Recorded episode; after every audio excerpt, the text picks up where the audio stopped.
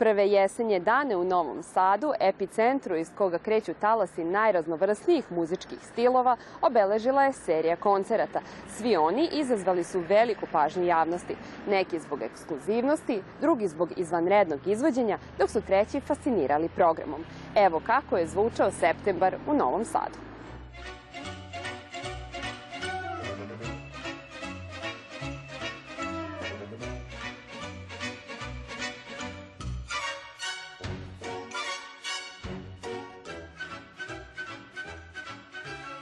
Prvi taktovi poslednjeg letnjeg meseca bili su taktovi kompozicije najvećeg sineaste ikada.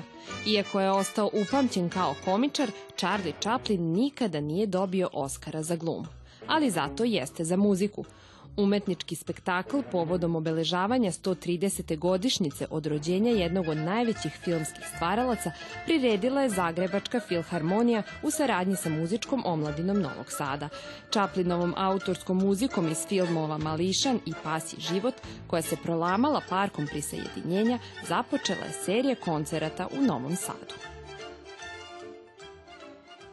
To je muzika početka 20. stoljeća, ona je sigurno pod utjecajem ragtima, pod utjecajem e, džezerskih harmonija.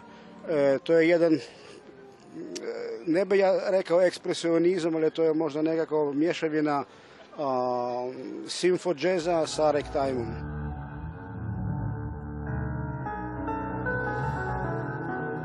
Bio je to tek početak koncertne serije u kojoj su se u neposrednoj blizini i veoma maloj vremenskoj distanci susreli muzički žanrovi udaljeni stotinama godina. Treći po redu Piano City obuhvatio je savremenu džez, klasičnu, ambijentalnu i pop muziku.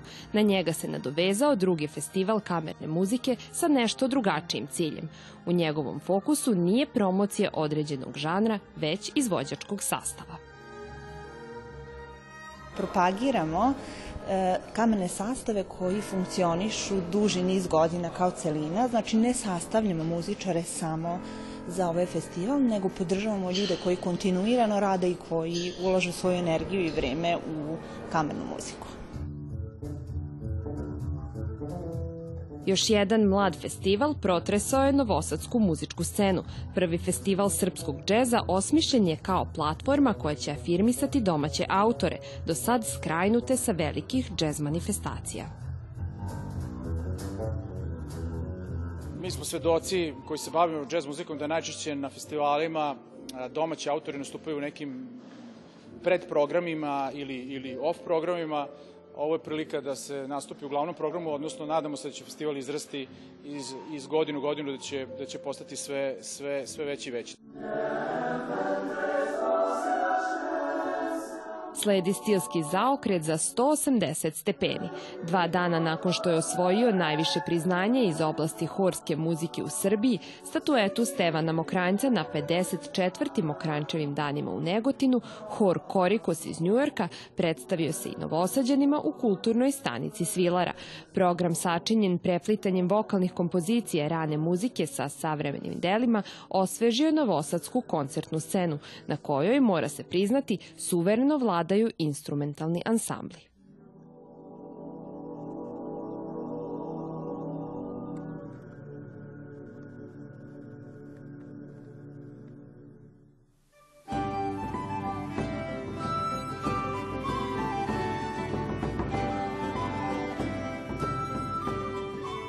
Zvuke engleskih ulica i taverni 17. veka donali su Novi Sad članovi ansambla Minstrel iz Hrvatske koji su imali čast da otvore ovogodišnji festival barokne muzike. Tokom četiri dana na talasima polifonije umetnici iz zemlje i regiona poveli su publiku na muzičko putovanje po Evropi.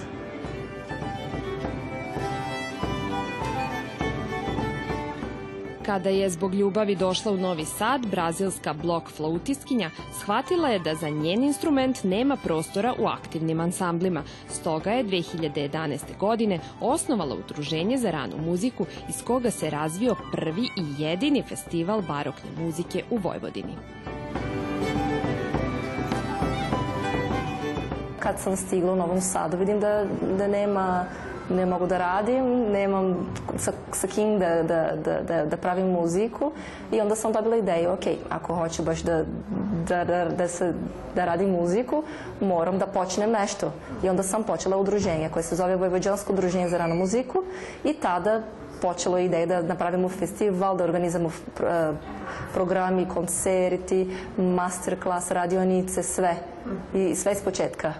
A šta je, va, šta je vas inspirisalo da se bavite upravo barokom? I Barok? Pa ja, ja ne znam, uvek, vo, ja volim svaki vrsta muzika, volim sve, ali kad sam bila tinejdžerka, bila sam na koncert, ja uvek sam imala klasičnu muziku u, u, u blizinu, moje porodice, inače svi se bavim muziku a nikad sam videla toliko lepa muzika kad sam bila na barokna orkestra I, i sad sam baš se zaljubila i nikad sam odstavila. Ljubav prema baroknoj muzici prenela je na novosadsku publiku. Koncert ansambla Minstrel pod nazivom Pivo i duvan, na kome je Mela svirala blok flautu, donao je u Edšeg popularnu muziku engleske 17. veka. Pomislio na to da su ljudi od uvek želeli da se zabave. Od uvek su želeli da pojedu, da popiju, da se opuste u svakom vremenu. Jednostavno ta uh, vrsta opuštenosti i nama danas nedostaje. Jednostavno ovakva muzika nam dođe kao mele merano. Mi se jako dobro zabavljamo jer mi na probama vrlo često se onda zaigramo pa onda odglumimo neku situaciju, zamislimo to što, o čemu mi sviramo i pjevamo i onda zapravo je to najbolji dio posla. Sviranje u ansamblu nije samo koncert i koncert za publiku, nego i naša jako dobra zabava u svemu tome. Vrlo je primamljiv za svačije uho, čak i ne morate biti neki veliki poznavac muzike, neki veliki muzički sladokusac, jednostavno muzika kada je lepa, ona osvaja, svako srce, svačije srce.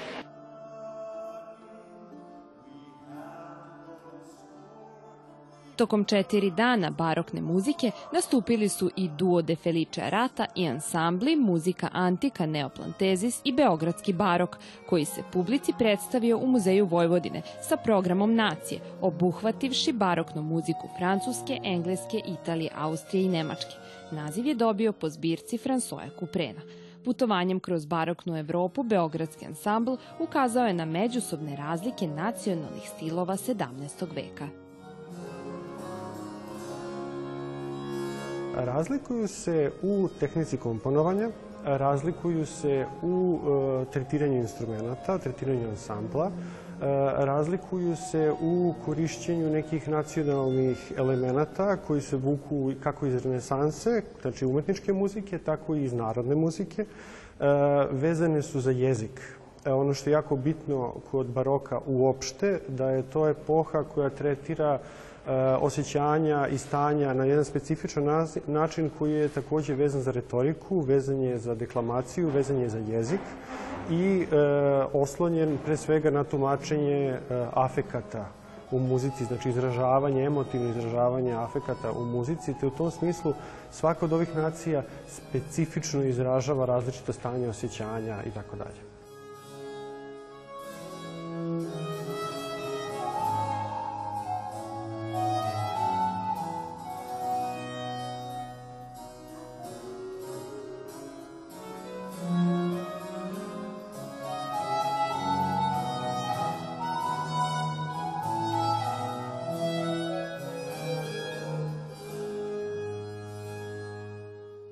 Publika je imala jedinstvenu priliku da čuje i vidi replike instrumenta toga doba.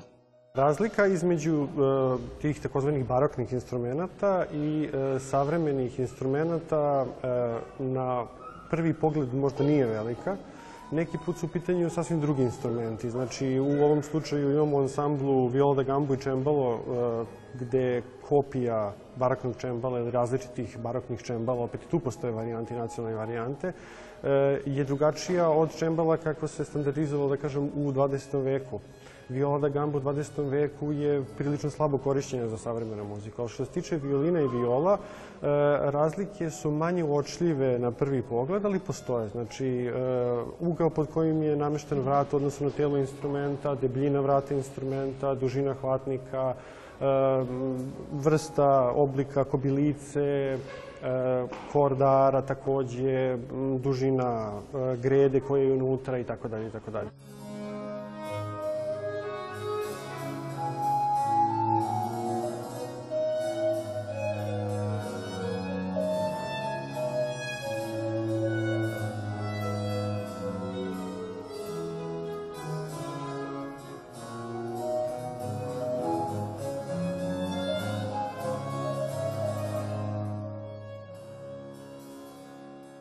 Razlike u samoj konstrukciji dolaze do izražaja upravo sa tim crevnim žicama koje se koriste.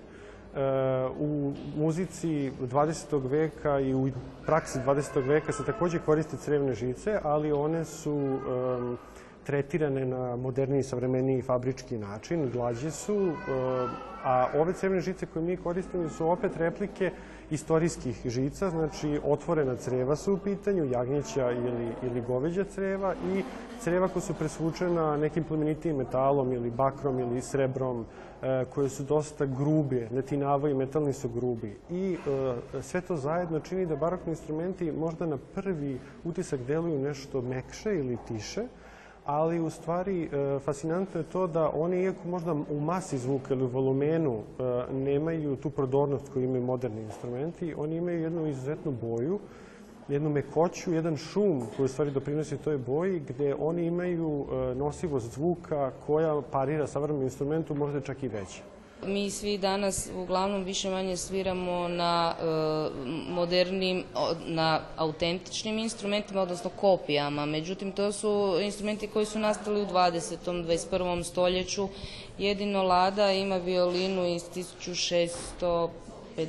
tako negdje, to je ona nabavila u Londonu e, i naravno skupo je platila. A ovi svi instrumenti, e, dakle, postoje graditelji instrumenta, nema ih puno, e, oni po naručbi rade, uglavnom naručiš, pa onda e, s obzirom oni te pitaju da li ti treba za veliki ansambl, za mali ansambl, da li si solist, da li sviraš kontinuo, pa se onda upravo takvi instrumenti prema potrebama izvođača i rade. Ovo je replika instrumenta. Moj instrument se zove arhilauto ili arčeljuto i on se koristi u tom periodu širom Evrope kao kontinu instrument i kao solo instrument. Naravno, koren tog instrumenta je u Italiji. Nastali u Italiji, ali su ga koristili i u drugim zemljama. Ja sam počela da, da studiram, da, da učim muziku kada sam imala šest, kad sam bila šest mala. I onda u Brazilu se počinje sa blok flauta i onda nikad dobila sam jako vrlo dobra profesorica i onda nikad sam prekinula. I onda naravno kad se ide na koncert i vidi da to je, to je kada mi počnemo, počnemo na taj Yamaha plastična koji ne, nema lep zvuk. A kada se vidi kako se, kako se svira pravi izvođač, pravi muzika, flautist, onda je nešto drugačiji. I onda sam isto videla koncert i zaljubljena kompletnu i nikad više sam htela nikud, ništa drugo. 20. vek bio je vek u kome se smatralo da je melodija prevaziđena. Ipak čini se da se istorija ponovo okreće muzici u kojoj melodijska linija ima primat. Ona je početak. Odnosno, ako ćemo od početka reći ćemo da su to gregorijanski korali, koji od njih se jel da, sve i počelo i uvek se vraćamo tim nekim korenima. Sad bilo da je barokna muzika, da li uopšte da je muzika u pitanju ili nešto drugo, svi volimo da se vratimo svojim korenima. 70. godina su počeli nicati ti ansambli za ranu glazbu koji su svirali prvo na instrumentima koje su imali, ali onda su shvatili da se ta glazba mora svirati na autentičnim instrumentima pa su onda i graditelji se tu potrudili da naprave dobre instrumente, dobre kopije instrumenta, pa se i onda svijest o tome kako se to izvodi e, e, isto promijenila i upravo tom e, preko interneta su nam dostupnije puno te knjige koje govore o tome kako se svira ta glazba. Tekst, iako u za, samom zapisu je veoma jednostavan, on je prilično slojevit. Slojevit je naslagama stila, naslagama onoga što nije ni zapisano i što je čak ni u studijama i raznim školama iz tog vremena nije sasvim tačno objašnjeno. Tako da to neko traganje za tim stilom, traganje za načinom izvođenja ono što sve nas inspiriše i što nas stalno vraća na tu muziku.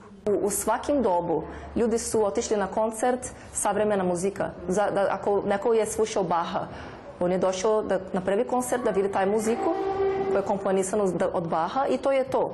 To ne se ponavlja pre 10 godina, ni 15 godina, ni 20 godina. A mi idemo, očigledno idemo puno na, na, na koncerti od prošlosti svaki put i to radimo puno. To znači da ima neki, neki fali neki balans, ja mislim. U, u, na primjer, mi, mi kada, čit, kada učimo muziku u osnovnu školu i u akademiju, mi učimo uh, vrsta, način sviranje koji je bukvalno bila napravljena posle Francuska revolucija. I onda sa ovom tehniku mi koristimo na svaki vrsta muzika od, od drugih epoka, od drugih godinama, koje ne, nije, uopšte ne ide dobro.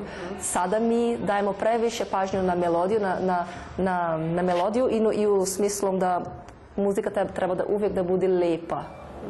треба увек да, да даде неки како филинг. Да. А музика не е само то. Музика е полно више од тога.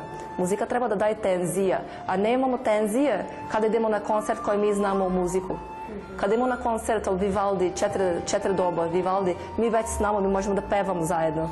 Нема, нема никакав, Ја да? Ми требамо сада више да идемо на концерт кој ми не знамо. Kakva će biti, kako je muzika. A, a sada ja vidim da puno mi idemo na koncert i hoćemo samo da vidi ko je napravio, uh, ko je napravio neke greške, koje nije bilo naštimovano, ko je uh, kadenza napravio velika ili mala kadenza.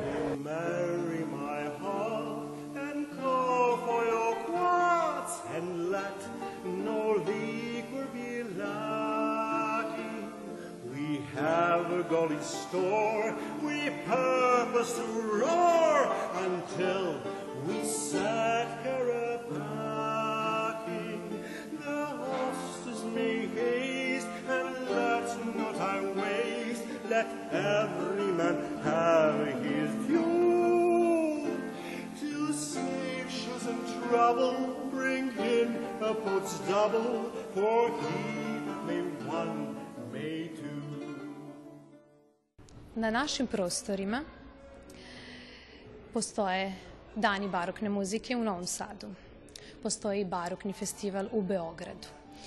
Predrag Gosta, dirigent, se vratio u Beograd pre par godina i od 2015. godine sarađujem sa njim. Tako da, što se tiče našim prostorima, uvek postoji nešto. Da li je bio Predrag Gosta ili Mela, barokna muzika je stalno prisutna. Možda ne toliko kao moderna muzika ili klasična muzika, ali je stalno tu. Što se tiče u inostranstvu, mnogo je više zastupljenije. Tu u svakom slučaju, e, ja sam imala prilike dok sam studirala u Mainzu u Nemačkoj da i završim jedan uh, excellent program koji se zove Barok Vokal i da sarađujem sa raznim dirigentima i solo pevačima kao što je Andreas Scholl, Ton Kupman, Wolfgang Kačner, Martin Džester i mnogi drugi. I tu sam u stvari usavršila, da kažemo, barokno pevanje. Ali uvek me pitaju da li je, koja je razlika između baroknog pevanja i običnog pevanja. E, ja mislim da je samo stil u pitanju.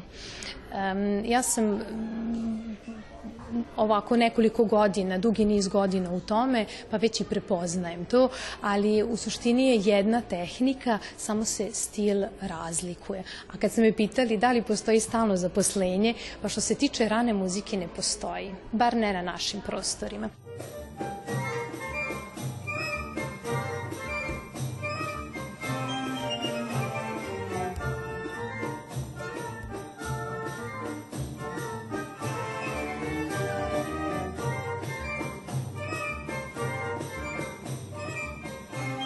Raznovrsne palete zvučnih boja kojom je ovog septembra boje Novi Sad, istakle su se boje Afričkog kontinenta.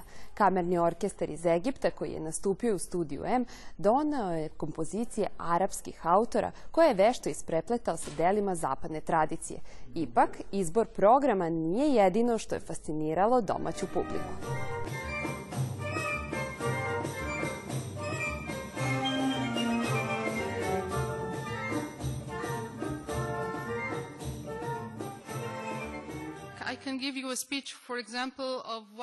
Mogu držati sat vremena dug govor kako biste stekli pravu sliku o mojoj zemlji, ali ova neverovatna grupa će vam pružiti sliku o Egiptu, našoj kulturi i snazi naših žena bez jedne izgovorene reči.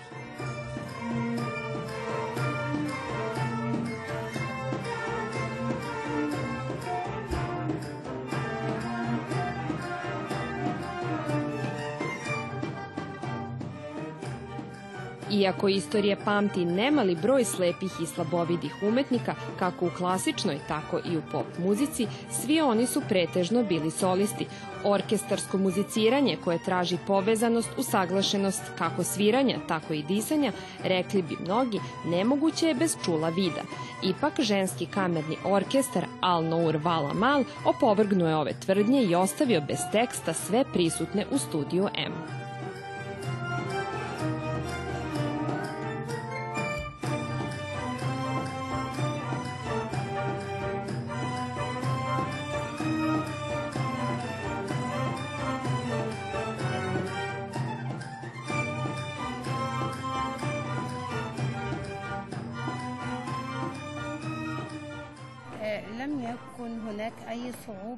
Početak učenja svakog dela je težak. Svako od nas, pored grupnih proba, ima i individualne časove. Ja sviram kontrabas i volim to. Ne osjećam nikakav umor ili tenziju. Što se tiče samih koncerata, to može biti naporno, naročito tokom dugih turneja, ali važan je konačni ishod. Razumemo se pomoću posebnog sistema Brajevog pisma koji uvek imamo ispred sebe na kolenima. Pokušavamo da ga osetimo i da zapamtimo to što smo osetili na dlanovima. Sve smo maksimalno koncentrisane kako bismo osjećaj sa ruku preneli na jednu celovitu muzičku priču. Tako koordiniramo međusobno. Ovo nije običan orkestar. Sve ove devojke su morale da odrastu veoma mlade. One se poznaju, razumeju i osjećaju jedna drugu. Zbog toga i dirigent mora da ih oseti na isti način. U tom trenutku mislim da letim, mislim da sam na nebu. Imam utisak da je svet još veći nego što ga zamišljam. Ovo je nešto što je jedinstveno i što mi pruža zadovoljstvo koje ne mogu rečima opisati.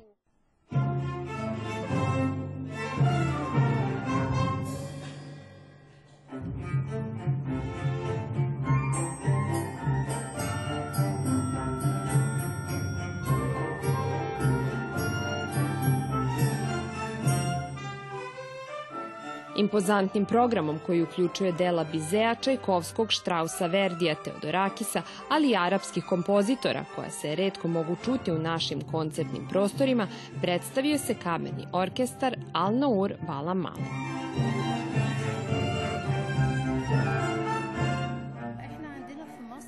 U Egiptu više sviramo dela kompozitora zapadne tradicije, jer su orijentalna dela već dobro poznata u našoj zemlji. U drugim državama je više akcenat na našim autorima. Želimo da im kroz muziku približimo taj svet. Upoznao sam dvoje muzičara ovde nakon koncerta i pitali su me kako uspevaju da isprate sve muzičke detalje, kako uspevaju da bez dirigenta izvedu klasične komade. To je veoma teško. Mi mnogo vremena posvećujemo svakom delu kako bismo ga upoznali i kako bi se one kroz to delo povezale. Imala sam unutrašnji osjećaj i potrebu da se povežem sa muzikom. U početku smo imali izuzetno mnogo proba, i pre i posle podne. Obično je to bilo u muzičkom institutu u Kairu. Vremenom je orkestar napredovao i počeli smo da nastupamo. Poslednjih godina nastupili smo na pet kontinenta.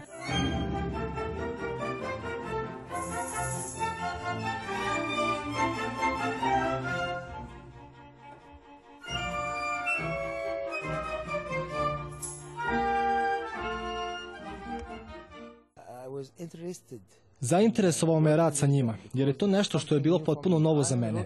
Na samom početku imao sam podršku drugog dirigenta, koji me je naučio kako da im pristupim. Dan za danom, godina za godinom, bilo je potrebno vreme. Čak dve godine mi je trebalo da se povežem sa njima, jer su imale strah od novog. Bio je to pravi izazov. Bog nam je ostvario i pružio ovo što imamo i posle svega stvorile smo jedinstvenu povezanost koju uvek osjećamo i koja je uvek prisutna kada nastupamo. Na sceni dirigent daje znak za početak, a sve ostalo je na njima. Moja uloga kao dirigenta ima značaj samo na probama. Na koncertu su one glavne.